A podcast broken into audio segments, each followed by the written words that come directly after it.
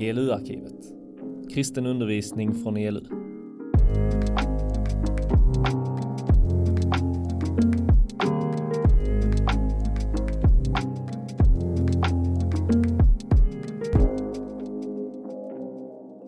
Härligt, gott att få vara här med er. Det tycker jag verkligen. Eh, och härligt att få läsa Bibeln och lägga ut den tillsammans och kolla på den tillsammans. Varför ska jag bry mig om Jesus? Ja, men det är väl en rätt så, eh, det är inte så konstigt att man ställer den frågan. Livet är så fullt av så mycket grejer. Det är plugg och det är framtidsplaner och det är relationer och det är träningar och det är kläder hit och det är sociala medier dit och det är jobb och det är gaming och det är resor och det är träning och det är hur ska vi hinna med Jesus också? Eh, det är ju redan så fullt, ska jag bry mig honom, om honom med? Jag vet inte om jag, om jag hinner, om det får plats.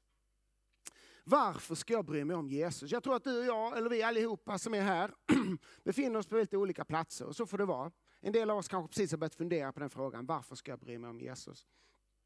Andra kanske tänker att den där Jesus han har jag koll på, fast ni har kanske aldrig egentligen brytt er om honom så mycket.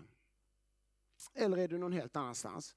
Eh, jag vet inte, vi är på olika ställen. Men vi ska kolla mer på den här texten i Kolosserbrevet, vad den säger. Den här frågan, varför ska jag bry mig om Jesus? Den hade man kunnat prata jättemycket om utifrån liksom, eh, ett mer neutralt perspektiv. Så bara, ja, hur ska vi tänka som människor? Varför ska vi bry oss om Jesus? Så det vi gör idag är ju när vi kollar Bibeln så kommer vi se vad, vad har den här bibeltexten på något sätt att säga in i den frågan.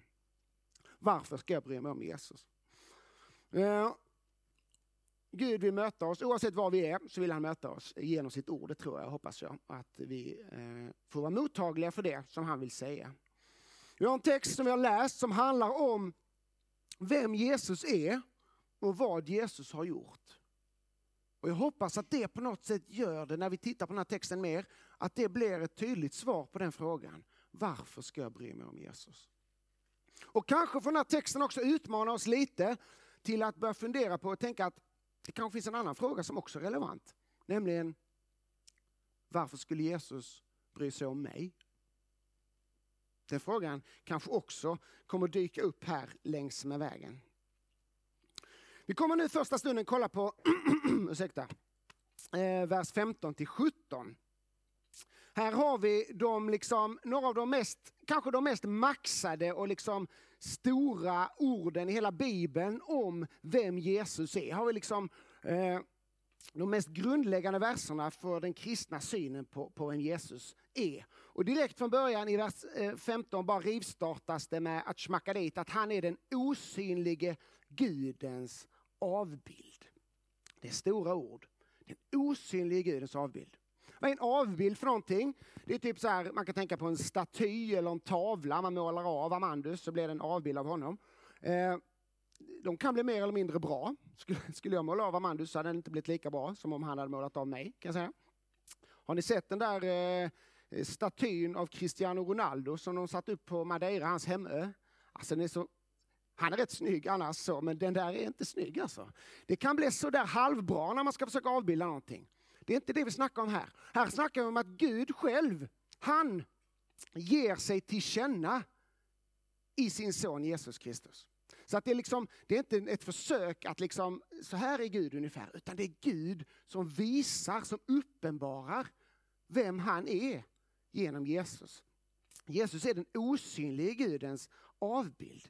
Gud har gjort sig synlig, visat vem han är i Jesus. Har ni sett mig? Har ni sett Fadern? säger Jesus. Så om vi vill veta vem Gud är så ska vi kolla på Jesus. Eh, och sen i de här verserna så kommer det ett helt gäng, jag kan varna er ni som inte gillar svensklektioner och det här med ordklasser och sådana där grejer. Prepositioner, kommer ni ihåg vad det är för någonting? Nej. Eh, det är eh, de här små orden som säger hur någonting är i förhållande till någonting annat. I och på, över, bakom, framför, under och så vidare. Här är rätt många sådana i, den här lilla, i de här verserna som vi läst nu. Vi kommer utgå lite från dem. Eh, för prepositioner säger då hur någonting är i förhållande till någonting annat. Och här i den här texten, i de här verserna, så handlar det om hur han, och vem är han i den här texten? Jo, det är såklart Jesus. Hur Jesus är i förhållande till någonting annat. Och vad är, det, vad är någonting annat i den här texten? Jo, fem gånger bara i de här tre första verserna, nästan tjatigt, så kommer ordet vilket ord dyker upp fem gånger här för att sätta sig liksom för, för, för, för, att beskriva hur Jesus är i förhållande till jo, det är eh, ordet allt. Han är förstfödd före allt. För honom skapades allt i himlen och på jorden. Allt är skapat genom honom. Han är till för allt och allt hålls samman. Så när vi ska liksom börja beskriva vem Jesus är och vi, liksom bara, men vi måste liksom jämföra honom, vi ska sätta honom i förhållande till någonting, då räcker det liksom inte med något annat än allt. Det säger någonting om hur stor Jesus är. Är vad jag menar? Om jag ska om jag ska beskriva någonting, mina döttrar har kaniner där hemma. Om jag ska beskriva hur många kan, deras kaniner är, då skulle jag säga ungefär som är, ja men de är mjuka som en kudde, stora som en stövel och hungriga som eh, eh, vargar. Då har ni varit såhär, okej, okay, kudde, stövel, vargar. Ah, du pratar om kaniner. För det, är liksom, det är de orden vi behöver använda för att förklara ungefär vad en kanin är. Men när vi ska förklara liksom Jesus och börja beskriva honom, allt får vi ta till då. Så stor, så väldig är han, så vi måste sätta honom i förhållande till allt. Och de här prepositionerna då säger ju någonting hur Jesus liksom kommer ju sätta Jesus i förhållande till allt. Och det säger då någonting om vem Jesus är. Allt. Allt i himlen och på jorden. Allt synligt och osynligt läste vi. Så när vi ska pejla in vem Jesus är, då måste vi liksom sätta honom i förhållande till, till allt. Och det blir på något sätt första insikten. Oj, Jesus är stor. Den första prepositionen är i vers 15. Han är förstfödd före allt. Jesus fanns före allt. Han är något annat än det skapade. Han fanns före allt. Han är född och icke skapad, läser vi i den tros, i Nicenska trosbekännelsen. Han är född av Fadern, förstfödd. Det betyder att han inte bara är en, en avbild av Gud. Är man född av någon så är man liksom samma väsen. Jesus är inte bara en avbild av den osynliga guden, han är den osynliga Gudens son. Han är Gud själv. När föddes Jesus? När föddes Jesus? Av Maria. Ära vare Gud i höjden och så vidare. Änglarna kommer och sjunger och sådär. Ja. Men av Fadern läste vi, han är förstfödd före allt skapat. Maria är en del av det skapade. Om Jesus var förstfödd före allt skapat. När är, när är Jesus född av Fadern? Jo, före alltid. Det är liksom hisnande perspektiv. Ibland när man träffar gamla människor kan man tycka så fy vad gött att prata med någon gammal som kan berätta hur det var förr i tiden. Jesus kan berätta hur det var före tiden. Då anar vi lite att okej, okay, han är lite mer än en liten gullig bebis som ligger och skriker i en krubba någonstans i Betlehem. Det är honom vi har att göra med som kristna. Nästa preposition allt, för, i vers 16, för i honom skapades allt i himlen och på jorden. Allting, det betyder du och jag, vi skapade i Jesus. Vad betyder det då? Är det liksom att vi är på något sätt inuti honom, som en lokal placering? Hela universum är liksom inne i Jesus mage? Och så. Nej, det är inte det som är poängen. Eh, tänk mer så här, tänk heyday ungefär. Om man bygger en grisgård i Heyday, eller något annat kul spel där man kan bygga saker. Så är det inte bara så att om jag bygger om jag spelar, är det någon som spelar Heyday här? Ja, eh, om man då bygger en grisgård i Heyday, då är det inte bara så att jag har en grisgård och den, nu trycker jag in den i Heyday. Utan grisgården existerar ju på något sätt i Heyday och på grund av Heyday i liksom Heyday-världen så att säga. Det finns ingen Heyday-grisgård utanför Heyday. Är ni med? Så är hela tillvaron. Allt är skapat i Jesus. Vi liksom lever i hans app, i hans värld, i hans heyday. Vi är liksom Jesus-människor, skapade i Jesus. Det här är en Jesus-gitarr, för den existerar i Jesus. Precis som en heyday-grisgård. Ja, ni fattar. Allting är liksom på något sätt i och på grund av honom. Och så kan människor vara så här, äh, vad ska jag med Jesus till? Tänk, en heyday-gris som säger så till dig. Vad ska jag med dig till? Kan vi inte göra. Allting är i Jesus. Vi börjar ana hur stor Jesus är. Eh, tredje propositionen i vers eh, 16. Allt är skapat genom honom. Genom vad betyder det? Gud skapade hela universum genom ett långt rör som heter Jesus. Nej, det är något annat här va.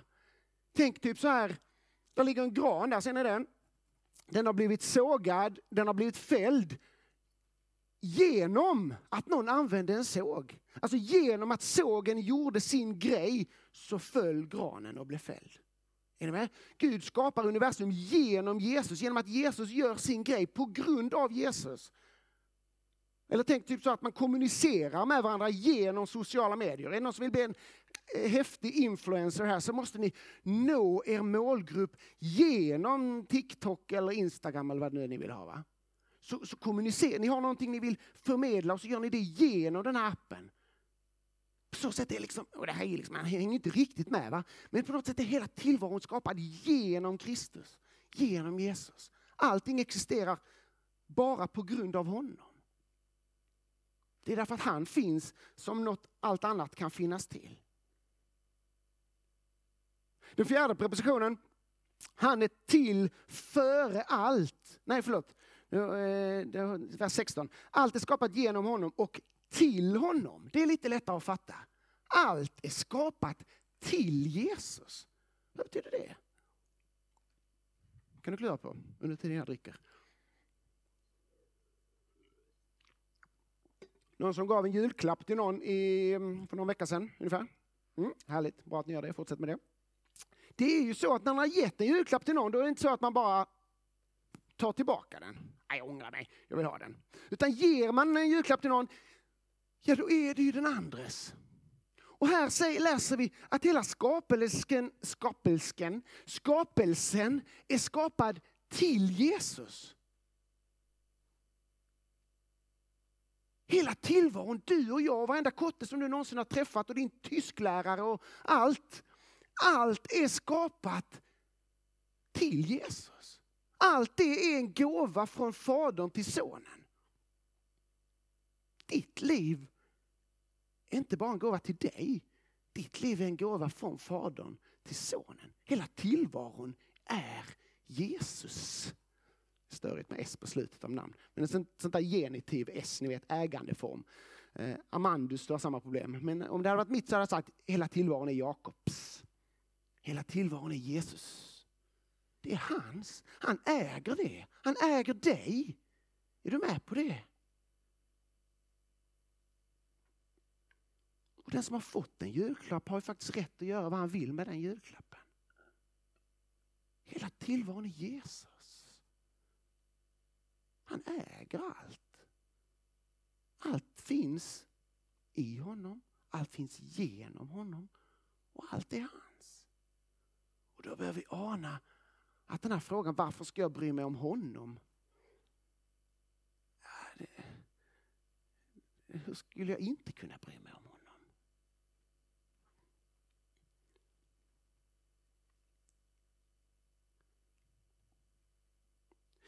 Ytterligare ett ord här i vers 17. Han är till före allt. Det hade vi redan läst. Men här att och allt hålls samman genom honom. Allt hålls samman genom Jesus. Jag kommer lite spoiler alert här på er som håller på att läsa Sagan om ringen eller kollar Sagan om ringen. Så vill ni inte veta slutet så håll för öronen. Mordor, Sarons liksom land och välde, det hålls ihop av en kraft, av en makt. Och när den makten bryts, när den kraften besegras, då är det inte bara så att, oh, nej, nu blev Mordor lite svagare. Utan vad händer när kraften, makten bryts? Jo, hela Mordor bara pulveriseras typ. Det bara upplöses. Därför att det var den här makten, den här kraften som höll ihop alltihopa. Tänk på eh, elementarladdningen, heter den va? Det var för länge sedan jag läste fysik. Ja, tack. Eh, ni vet den här lilla laddningen som gör att protonerna och elektronerna eh, hänger ihop i atomerna. Ni är med? Sa jag fel nu? Ah, så typ så. Tänk, tänk, tänk om elementarladdningen liksom bara hade försvunnit. Ett, två, tre. Nu. Vad hade hänt då? Allt hade bara, allt hade bara pulv, inte ens pulveriserats, pulver i atomer. Allt hade bara upplösts. Och så läser vi att Jesus är den som håller, allting hålls samman av Jesus. Jesus är liksom elementarladdningen i den här tillvaron. Och så kan vi människor vara så bara, äh, nej jag behöver inte honom. Anar vi vilken Gud det är vi har att göra med, vem Jesus är? Allting hålls samman av honom. Det är upp till honom om allting ska fortsätta. En sekund till, en sekund till, en sekund till.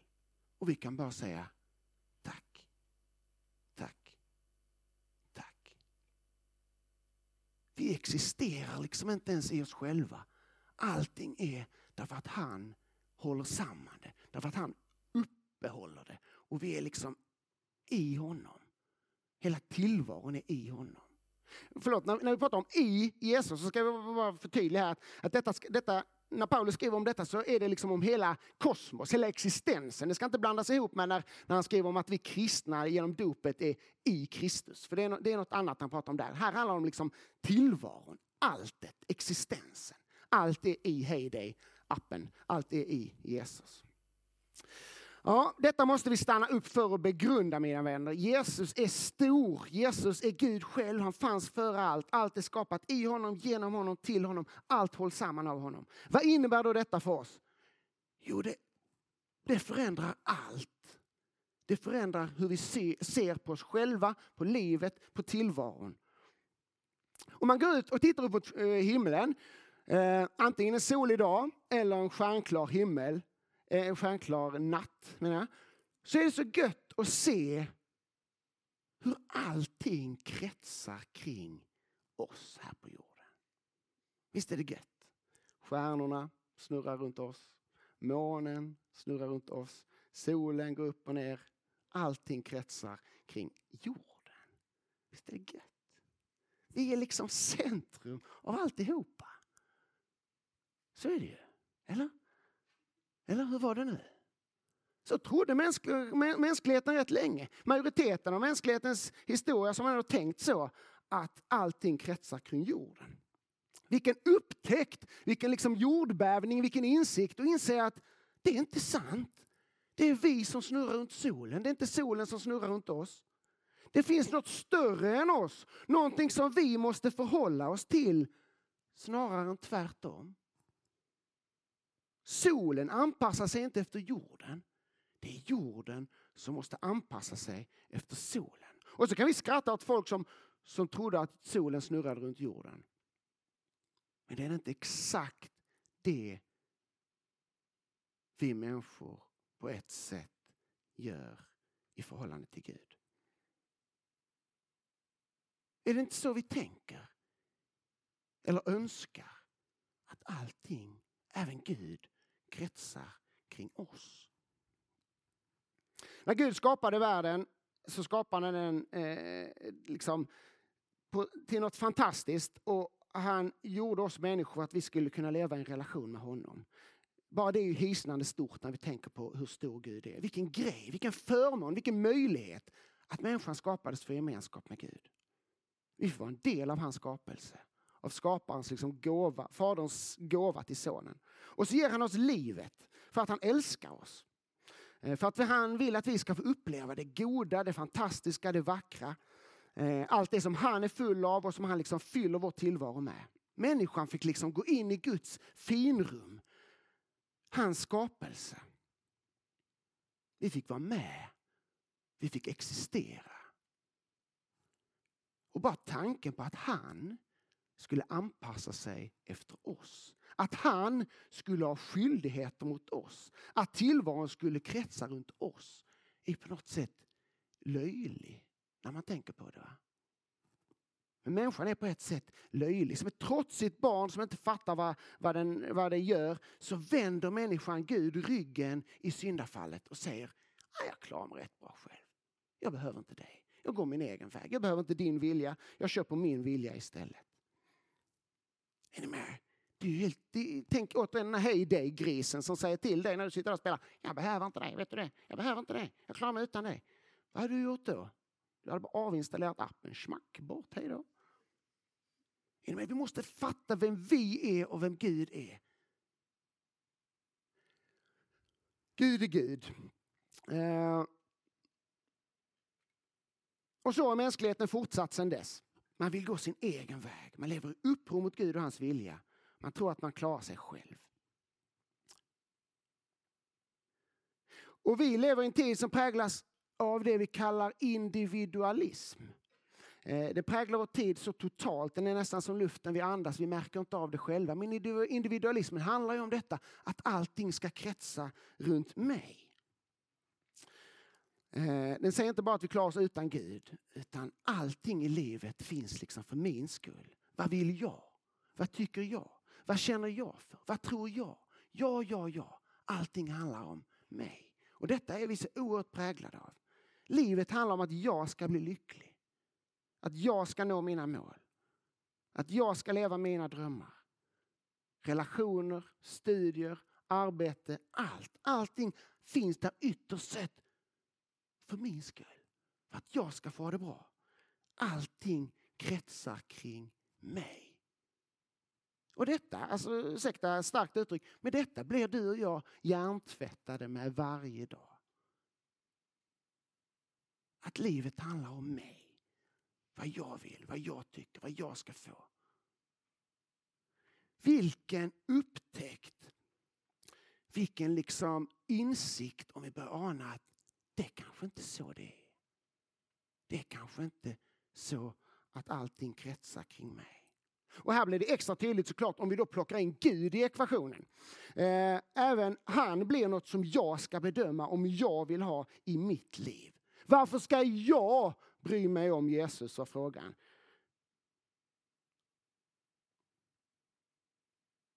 Vill jag ha honom i mitt liv så ska han bekräfta mig. Han ska ge mig vad jag behöver. Han ska liksom mätta mitt andliga behov. Han ska fylla min tomhet. Han ska svara på mina frågor. Han ska svara på mina böner. Han ska ge mig en bra känsla.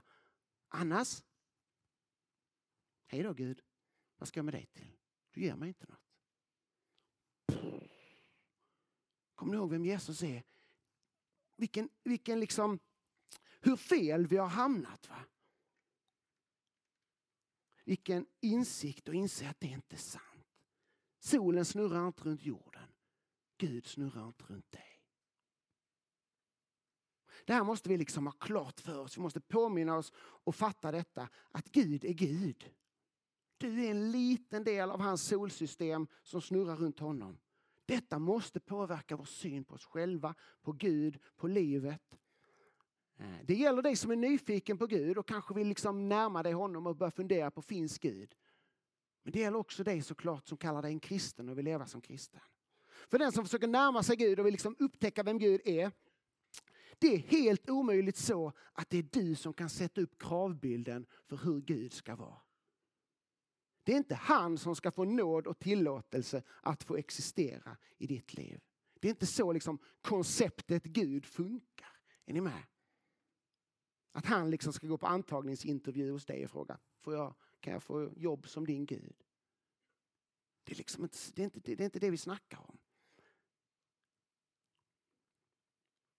Ska vi liksom lära känna Gud så handlar det om att komma faktiskt i en ödmjukhet på knä till och med inför den guden som är så stor.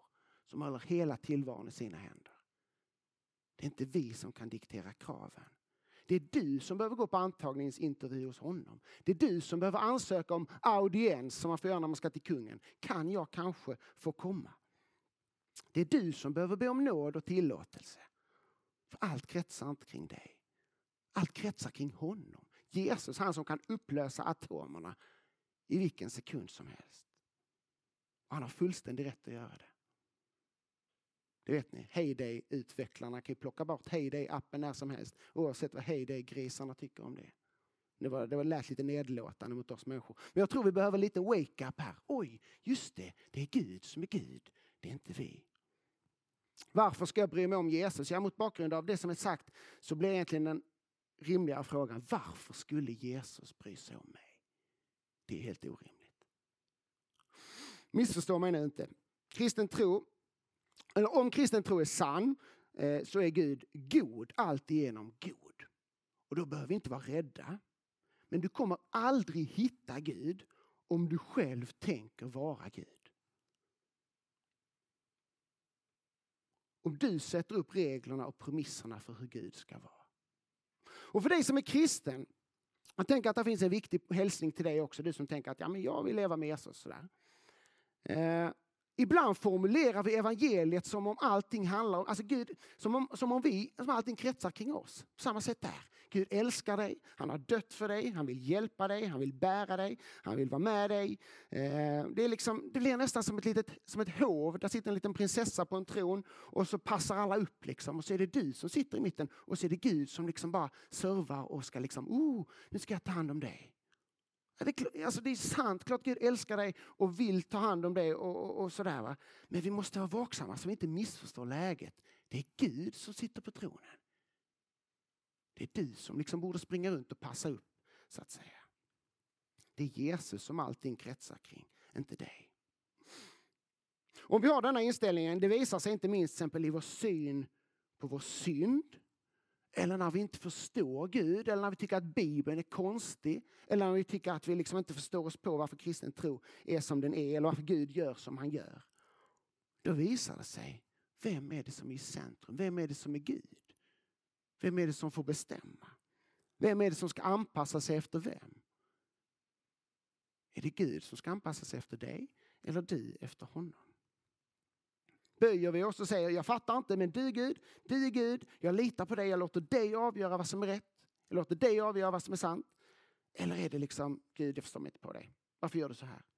Det, hej då. Där är dörren. Gå så säger vi såklart inte. Men jag tror att det inte är så ovanligt att vi kan ha den inställningen då. För vi är så präglade, så formade av både syndafallet och den här individualismen som vi lever i. Att vi knappt märker det själva. Gud, detta är reglerna som du måste följa om du ska vara en del av mitt liv. 1. Gudstjänsten ska vara kul, annars kan du glömma att jag ska gå dit. 2. Undervisningen ska bekräfta mig och jag ska gilla den och hålla med om allt, annars kan det få vara.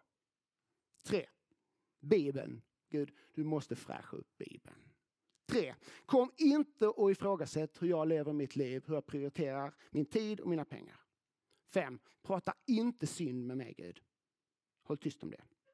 Och för det sjätte och viktigaste, det ska kännas nice och soft och gött att vara en kristen. Varför skulle jag annars vilja vara det? Det är väl ingen som säger så heller. Men jag tror att vi kan att vi kan hamna in i det där tänket ändå. Därför att vi tänker så lätt att allting kretsar kring oss själva. Där bör vi omvända oss och bekänna faktiskt detta som synd. Att säga Gud, just det Gud, det är du som ska vara Gud, inte jag. Jag har satt mig på din tron. Men jag vill att du ska vara Gud istället. Innan vi pausar här så, så eh, det här att vara en kristen, när Bibeln talar om att vara en kristen, och liksom vad, vad det kallas att vara en kristen, så finns det två begrepp som, jag tycker är, som används ofta i Bibeln som jag tycker är rätt spännande i det här sammanhanget. Det första är att de som är kristna, det är de som fruktar Gud. Det talas om gudsfruktan, om att man, har liksom en, eh, att man är gudfruktig. Alltså, fruktan, det handlar inte om rädsla, brukar man alltid säga. så. Men, men, men har vi inte det rätt ställt med Gud så borde vi väl vara rädda för den guden som kan upplösa allting sådär. Gudsfruktan, inte för att han är ond, men därför att vi är det. Gudsfruktan, inte därför att han inte skulle vara god, utan just därför att han är god. Gudsfruktan handlar om vördnad, respekt, bävan. Att låta Gud vara Gud. Jag hör inte jätteofta tonåringar säga, ah, men är du en sån som fruktar Gud? Ja, jag fruktar Gud. Vi kanske behöver börja använda det igen, så börja snacka så. Istället för att säga kristen, så säg gudsfruktan, frukta Gud. För det säger någonting om hur vi ser på Gud. Att Gud inte är liksom en, en, en grej jag stoppar i fickan och plockar fram när jag vill ha. Utan jag, liksom, jag fruktar Gud. Jag är inte rädd, men jag, jag liksom inser att Gud är stor. Gudsfruktan. Ska vi använda det igen? Det andra ordet som jag tänker på är när Paulus skriver till Roma, i Romarbrevet 1 och vers 5 så skriver han, när han beskriver vad han ska göra och vad höll Paulus på med? Han höll på att liksom få folk att bli kristna. Så skriver han inte så, jag vill försöka få alla folk att bli kristna. Utan han säger, jag försöker leda alla folk in i trons lydnad. Det är så han beskriver att vara kristen. Att leva i trons lydnad. Lydnad är inget populärt, balt, käckt ord som vi gillar. Men det är helt avgörande i den kristna tron, i det kristna livet. Det skaver i oss. Vi vill inte det. Vi har syndafallet och liksom individualismen i oss. Vi vill inte böja oss för någon annan, vi vill inte lyda någon annan. Men det är omöjligt att vara en kristen utan lydnad. Vi får liksom på något sätt bara inse att Gud, du är Gud och det är inte jag. Att Gud är god, att Gud är kärleksfull, att Gud vill ditt bästa. Det förändras såklart jättemycket här. Han är ingen ond diktator. Så det är något fantastiskt att få lyda honom. Han är fullkomligt god. Men det innebär inte att Guds vilja är ett demokratiskt beslut som du alltid kommer hålla med om. Vi måste lära oss att låta Gud vara Gud och lyda honom även när vi inte fattar, även när vi inte håller med. Varför? För att han är Gud. Tillvaron kretsar inte kring dig, utan kring honom. Tycker du det här känns strävt och oskönt kanske? Ja, det var sträv undervisning här nu. Men det är rätt så bra i så fall, för det är rätt rimligt att det blir lite strävt om en helig Gud talar till eh, oss syndiga och korrupta människor, så att säga. Det är inte så märkligt. Eh, det viktiga är vad gör vi med det? När Jesus var undervisade så var han ibland rätt så sträv och vid ett tillfälle i Johannes 6 så står det att massa människor säger vi står inte ut och höra på det här. Vem, vem kan lyssna på det här? Och så lämnar massa människor Jesus. Det är en variant. Jesus säger till sina lärjungar, ska, ska ni också gå? Petrus han har fattat något. Han säger, du är Gud. Du har det eviga livets ord. Till vem skulle vi gå? Så får vi också göra. Falla på knä inför Jesus och låta honom vara Gud. Min poäng här är inte liksom blind underkastelse. Missförstå mig inte. Vi får vara ärliga med Gud, vi får brottas med Gud, vi får ställa våra frågor till Gud. Vi får, det är mycket som är svårt att förstå och han kan ta det, vi får ta det till Gud. Men vi måste låta Gud vara Gud.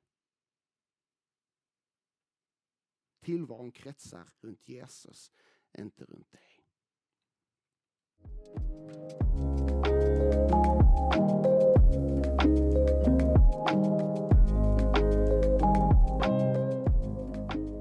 Tanken från det första passet. Det handlar någonstans om att vi har fått stanna upp inför vad en Gud är för någonting. Att Gud är stor. Att vi människor kretsar runt honom snarare än tvärtom. Eh, varför ska vi bry oss om honom? Ja, man kan ju fundera på varför ska vi bry oss om luft? Liksom? Ah, trött på luft, skippa det. Men luften är någonstans en del av verkligheten och tillvaron. Eh, och den är bra att ha. Eh, Gud är liksom på något sätt tillvarons centrum. Jesus är tillvarons centrum, tillvarons grund, tillvarons anledning. Och det kan ju vara ett svar på frågan varför vi då ska bry oss om honom. Ja, ska vi be en kort bön innan vi fortsätter? Är alla med? Kom du gode helige Ande och var med oss eh, också denna stunden här innan lunch. Kom du och hjälp oss att lyssna. Hjälp oss att lyssna på lärjungavis. Hjälp oss att lyssna med våra hjärtan så att du får tala in i våra liv, Herre. Kom Jesus, du som är universums centrum. kom du och gå här i raderna och rör vid oss med dina välsignande händer. Tack. Amen. Yes, vi fortsätter. Eh, de här första verserna, 15 till 17, som vi nu har pratat om, det handlar liksom om, om hela kosmos på något sätt, hela existensen och Jesus i förhållande till det. Nu när vi traskar in i vers 18 och framåt så märker vi att nu zoomas liksom perspektivet in lite. Eh, och det handlar inte bara om alltet, utan det handlar, i vers 21 står det till och med, också ni.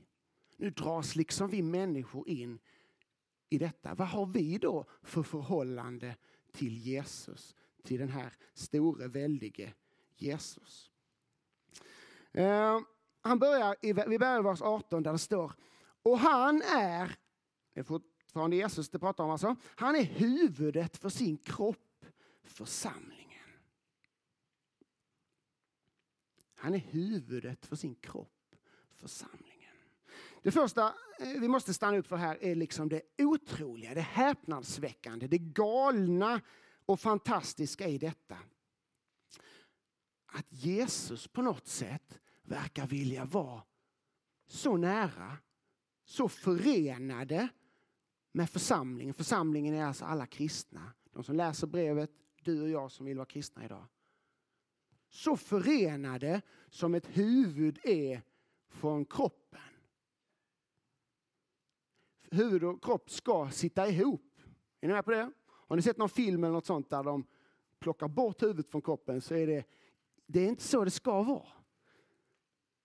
Det är väldigt få av oss som säger så här, mitt huvud har lite ont i sig idag. Utan vi säger, jag har ont i huvudet. Om vi är från Skåne. Kropp och huvud hänger ihop. Och så läser vi här att Jesus han är huvudet för sin kropp, församlingen, alla kristna. Jesus vill på något sätt alltså förenas, vara enhet med sådana som dig och mig. Det är ett helt galet perspektiv om vi nu tänker på vad vi precis har sagt om Jesus. Va? Vem Jesus är. Och som jag va? Han vill vara ihop med oss.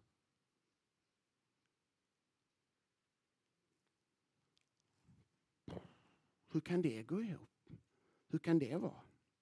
Och, och när Bibeln talar om detta att, att liksom två, människor, eller två individer sitter ihop, annars det är när det pratar om äktenskapet. Och man blir ett kött. Och det säger ju någonting alltså om Jesus inställning till oss. Han vill liksom bli ett med oss. Hur går detta ihop? Den här store väldige guden och vi då, eh, små och och eh, ovärdiga och syndiga människor som gjort uppror mot Gud och säger att ah, vi klarar oss själva. Hur kan de liksom förenas? I första passet här så pratar vi om, om Jesus storhet. Och, och om han, att han är liksom hela tillvarons grund och sådär. Och utifrån det, utifrån Jesus storhet så anar vi hur, hur galet syndafallet är. Att vi liksom vänder ryggen mot den guden som är så stor. Men då har vi inte ens pratat så mycket om Guds godhet, Guds kärlek, Guds skönhet. Hur fantastisk Gud är. För då blir syndafallet ännu galnare när vi tänker på att den Gud som är vänt ryggen, det är inte bara en stor Gud som kan förinta allting när han vill, utan det är liksom kärleken, godheten, skönheten själv. Och så har vi vänt honom ryggen. Hur galet och knasigt är inte syndafallet?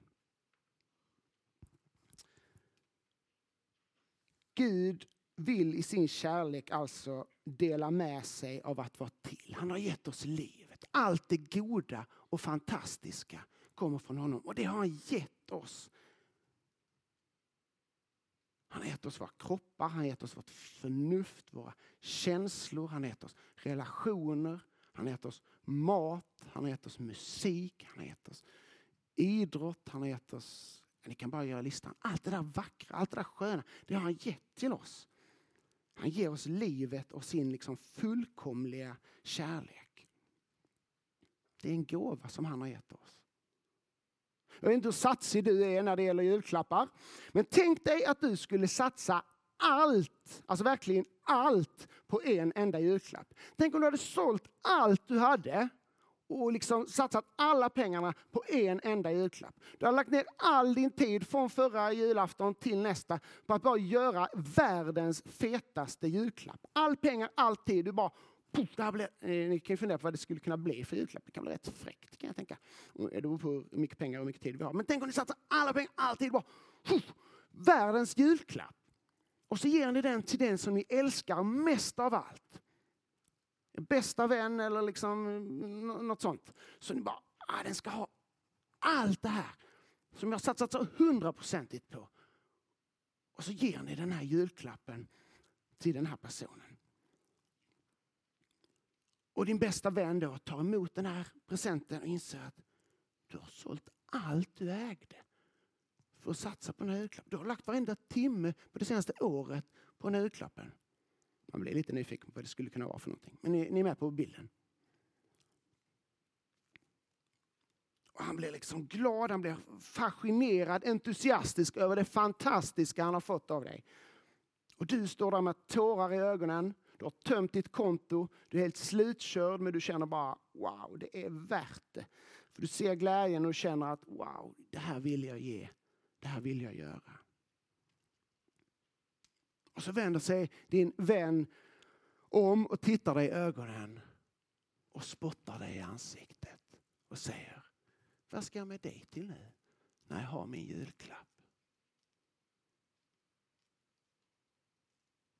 Och så märker du hur personen dessutom börjar förstöra den här julklappen som du gjort och gett. Bara försök sätta er in i den situationen. För någonstans där så börjar vi kanske närma oss någon slags bild av hur sjuk människans synd och uppror mot Gud är. Och den synden är faktiskt du och jag delaktiga i. Så allvarlig är synden. Varje liten synd mot Gud är uttryck för detta, liksom samma uppror mot Gud. Vi har det i oss, du och jag, den här synden. Vi vill ha det Gud ger oss, men struntar i honom. Varför ska jag bry mig om Jesus? Den fångar syndafallet rätt bra, den frågan. Vad ska jag med Gud till? Men den frågan har vi på något sätt i oss. Den inställningen finns också i oss. Vad ska jag med Gud till? Men följdfrågan blir såklart, varför ska Jesus egentligen bry sig om oss? Som har gjort så mot honom. Jag vet inte hur du hade reagerat när du hade gett den där julklappen, fått den där spottloskan i ansiktet. Det är klart att den relationen på något sätt är i kras. Va? På något sätt är detta utgångsläget. Va? Människan och Gud skapades för en gemenskap, ansikte mot ansikte med varandra. Människan har vänt Gud ryggen. Synden har byggts upp som en mur mellan människan och Gud. Därför att den finns i oss hela tiden. Vi kommer aldrig kunna bli kvitt den. Och den skiljer oss från Gud. Gud å sin sida, ja han är faktiskt också vred på människan. Och därför kan man också säga att Gud på ett sätt står med ryggen mot människan. Därför att den synden, den, det fruktansvärda vi gjorde när vi spottade honom i ansiktet och förstörde hans julklapp. Det är så allvarligt. Så att det är fullt befogat att Gud känner en vrede inför oss människor. Så utgångsläget är rätt taskigt. Här står en människa så. Här står en fet mur här som vi inte kan klättra över även om vi skulle vilja. Och här står en Gud som faktiskt är vred och som inte vill förinta oss och därför står med ryggen mot oss. På ett sätt kan man säga att det är utgångsläget. Är ni med på liksom att det finns liksom en ömsesidig barriär på något sätt? Det är människan som är ansvarig, människans synd har ställt till det. Men Guds vrede gör också att det är liksom en ömsesidig eh, liksom, rygg mot rygg-relation. Därför att Gud vill inte utplåna människan. Detta är på något sätt utgångsläget. Och nu, då, var var vi någonstans? Jo, vi pratade om att Jesus sa att han ville bli ett med oss. What? Att han ville vara huvudet för sin församling. Och den här bilden som då tas av, av, av liksom i äktenskapet, att bli ett. Och det målas ju faktiskt upp i Uppenbarelseboken när, när vi pratar om himmelen. Himmelen beskrivs som Lammets bröllop. Alltså där, där Jesus på något sätt är brudgummen och där församlingen, alla vi kristna, är bruden som Jesus liksom älskar och längtar efter och vill liksom förenas med i innerlig gemenskap. Och himlen blev på något sätt en bröllopsfest. Hur går de här två grejerna ihop? Bröllopsfesten, enheten och så det här hmm, mur. Hmm. Mycket märkligt utgångsläge. Hur går det ihop? Tillbaka till texten. Vers 18. Han är begynnelsen, den förstfödde från de döda. Här talar Paulus om att Jesus har varit död. Han kom in på något som är viktigt här verkar det som. Jesus är den första som har uppstått från de döda. Och så fortsätter han sen i vers 20, eller vers 19 också. Gud beslöt låta hela fullheten bo i honom. Det är ungefär det vi pratade om förra passet. Och genom honom försona allt med sig själv. Sedan han skapat frid i kraft av blodet på hans kors. Frid genom honom både på himlen både på jorden och i himlen. Också ni som en gång var främmande och fientliga till sinnet genom era onda gärningar. Också er har han nu försonat med sig genom att lida döden i sin jordiska kropp. Försona allt med sig, också oss som var fiender till Gud. Skapa frid i himmelen och på jorden genom blodet på hans kors. Vad betyder detta? Här verkar det som att utgångsläget förändras totalt. Det här är feta nycklar. Det här är avgörande. Det inser vi när vi läser. Här har någonting hänt. Försoning, vad är det för någonting? Ja, försoning är huvudtemat i hela Bibeln. I hela den kristna tron egentligen. Det handlar om en bruten relation som återupprättas. Försoning, nu blir det lite teologi, försoning kan bara ske genom soning.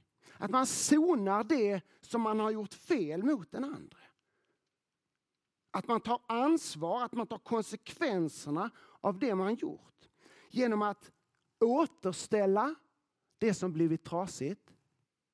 Gottgöra för den skada som har tillfogat den andra och utplåna allt som har blivit fel.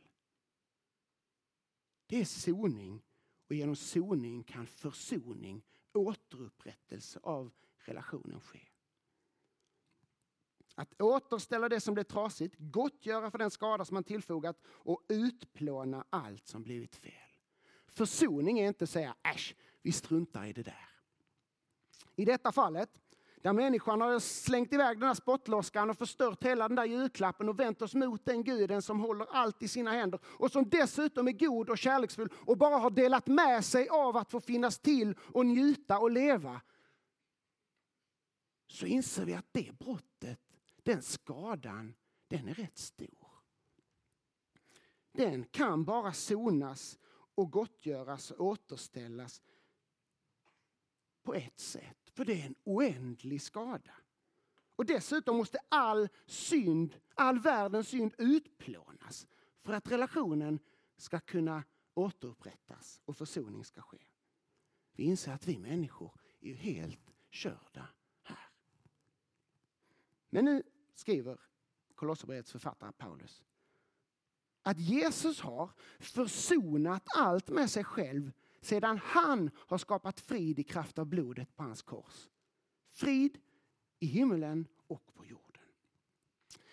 Nu har Jesus genom sin död på korset, genom blodet som han offrade, genom att han, han som var hela universums centrum, nav och allting, han offrade sitt eget blod.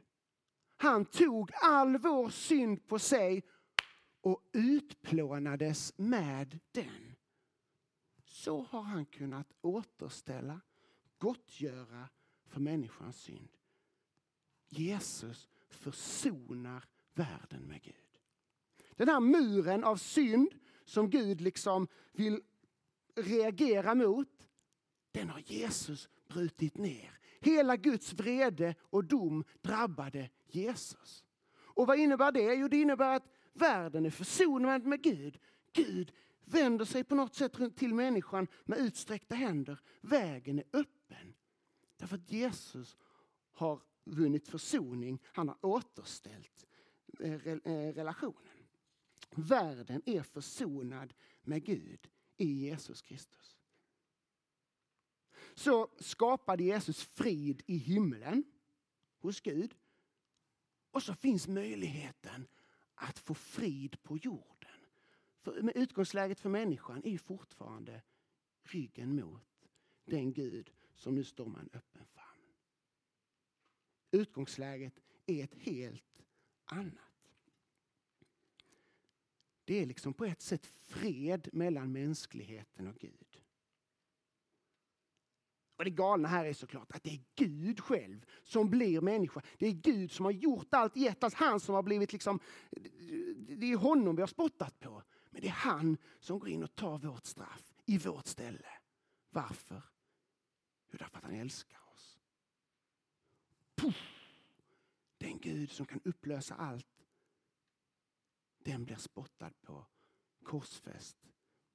Tar liksom alla människors, alla synder, alla dina synder i sin egen kropp. Tänk vilken samvetsbörda. Och så dör han med det.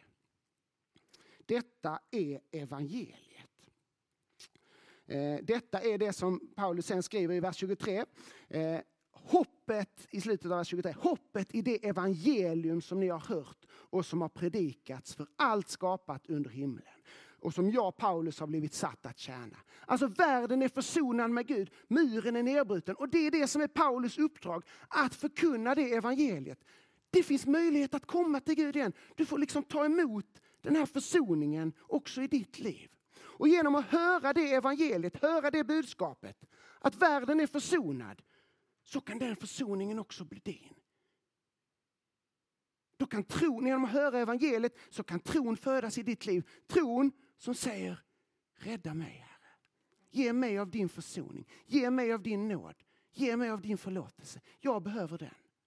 Och när tron föds, då vänds vi mot Gud. Då ser vi Guds öppna famn och inser att på grund av Jesus så kan jag liksom fly in i Faderns famn.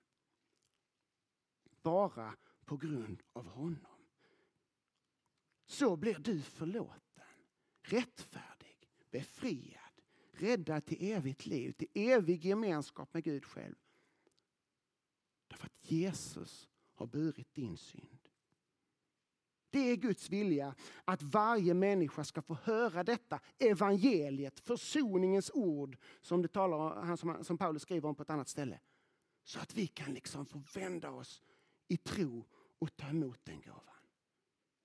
Guds mål och vilja för varje människa är det som han sen skriver i vers 22. Han vill föra fram er heliga, fläckfria och oantastliga inför Gud. Så underbart. Jesus vill liksom föra fram oss inför Gud. Säga, här, här har du Johan, Nisse, Klara, Svea. Titta, han är, hon, är, hon är helt oantastlig. Hon är helt helig. Hon är helt ren. För jag har burit alla hennes synder. Jag har dött i hennes ställe. Så nu får hon vara ditt barn. Nu får hon en evighet med dig Gud. Jesus vill liksom föra fram oss inför Gud. Vilket fantastiskt evangelium. Oavsett hur du, hur du har det, oavsett hur du brottas, oavsett vilka synder du kan falla i.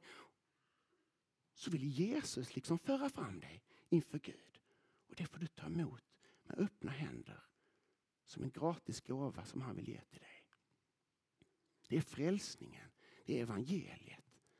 Och det är mind-blowing att den Jesus som håller hela tillvaron i sina händer. Det är han som går ner bredvid dig, lägger armen på din axel. Tvättar bort din synd, det gjorde han för 2000 år sedan. Och så för han dig inför Fadern och säger, detta är min lärjunge. Detta är min vän. Detta är min broder, min syster. Detta är till och med min brud. Vi killar kanske tycker det känns lite konstigt, men ni fattar poängen. Det här är liksom min älskade. Ser du Gud? Och bröllopsfesten kan börja. Så fantastiskt! Vilken, vilken förtröstan, vilken liksom frid vi kan ha i det här. Jag tyckte det var bra. Ser ni vem Jesus är? Ser ni vad han har gjort för oss? Detta är en gåva som vi får ta emot varje dag, hela tiden. Sen förstår vi utifrån versen här, utifrån texten här, att det finns ett allvar i detta med. Paulus skriver, han vill föra fram er om ni verkligen står fasta och grundade och inte låter er rubbas från evangeliet. Det finns en risk att gå miste om allt det här. Men då är det inte för att vi inte liksom lyckats. Då är, det för att, då är det inte för att vi liksom ska på något sätt visa upp, kolla jag platsar. Utan det är därför att vi har slutat ta emot nåden, förlåtelsen, frälsningen, försoningen från Jesus. Och därför behöver vi leva nära Jesus varje dag. Där hos honom kan vi få liksom ta emot det här gång på gång på gång. Därför blir uppmaningen stå fasta. Var grundade i tron. Låt er inte rubbas. Vi behöver Jesus. Vi behöver verkligen bry oss om honom. Varför, skulle, varför ska jag bry mig om Jesus? Jag frågar mig kanske varför ska Jesus bry sig om dig egentligen? Det är ju helt orimligt. Han är den osynlige, väldige Gudens son. Han är före allt och allt är skapat i honom, genom honom och till honom. Skulle han bry sig om dig? Du som har faktiskt spottat honom i ansiktet. Du som har sagt att äh, jag går min egen väg. Borde han bry sig? Oj, vad han bryr sig. Oj, vad han bryr sig om dig. Först har han gett dig allt och sen när du har kastat bort det så har han offrat sitt eget liv för att kunna ge det till dig igen. Och hans tålamod tar aldrig slut. Igen och igen och igen. Varför? För att han älskar dig. Och därför, på grund av vem han är och vad han har gjort och hur mycket han älskar dig så finns det inget större, inget bättre, inget viktigare i ditt liv än att du bryr dig om honom. Han som så tydligt visat att han bryr sig om dig. Vi ber. Tack Jesus för din frälsning. Tack för att du har stigit ner in i vår tillvaro, in i, våra, i vår verklighet och burit alla människors alla synder i din kropp för 2000 år sedan. Tack för att varenda synd som alla människor i, denna, i detta rum eh, har gjort och kommer att göra, det har du burit i din kropp Jesus. Tack för att du har försonat världen med Gud. Jag ber att var och en av oss här inne ska leva i evangeliet, leva i tron på detta. Ta emot den gåvan så att vi får leva liksom försonade med dig Gud Kom och bevara oss, beskydda oss på den vandring som ligger framför oss, Herre. Så att du får vara centrum i våra liv. Att du inte bara är liksom en periferi utan att du får vara solen som vi får snurra runt, Herre. För vi behöver dig. Vi behöver dig för vår existens och vi behöver dig för vår frälsning. Och tack för att du vill. Tack för att du vill ge. Tack för att du har offrat allt och visat där hur mycket du älskar oss, Herre. Tack för att vi får se fram emot en bröllopsfest i himlen. Där vi ska få stå ansikte mot ansikte med dig Jesus.